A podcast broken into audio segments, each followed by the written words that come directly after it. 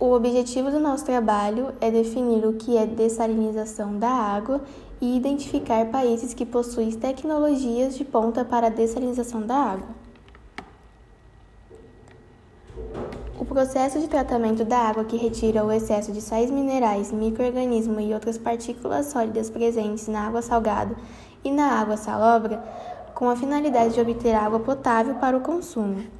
Ou seja, esse tratamento é feito para tirar todas essas substâncias e se tornar apta para o nosso consumo. Esse método pode levar a uma filtragem de água mais barata, o que é muito bom.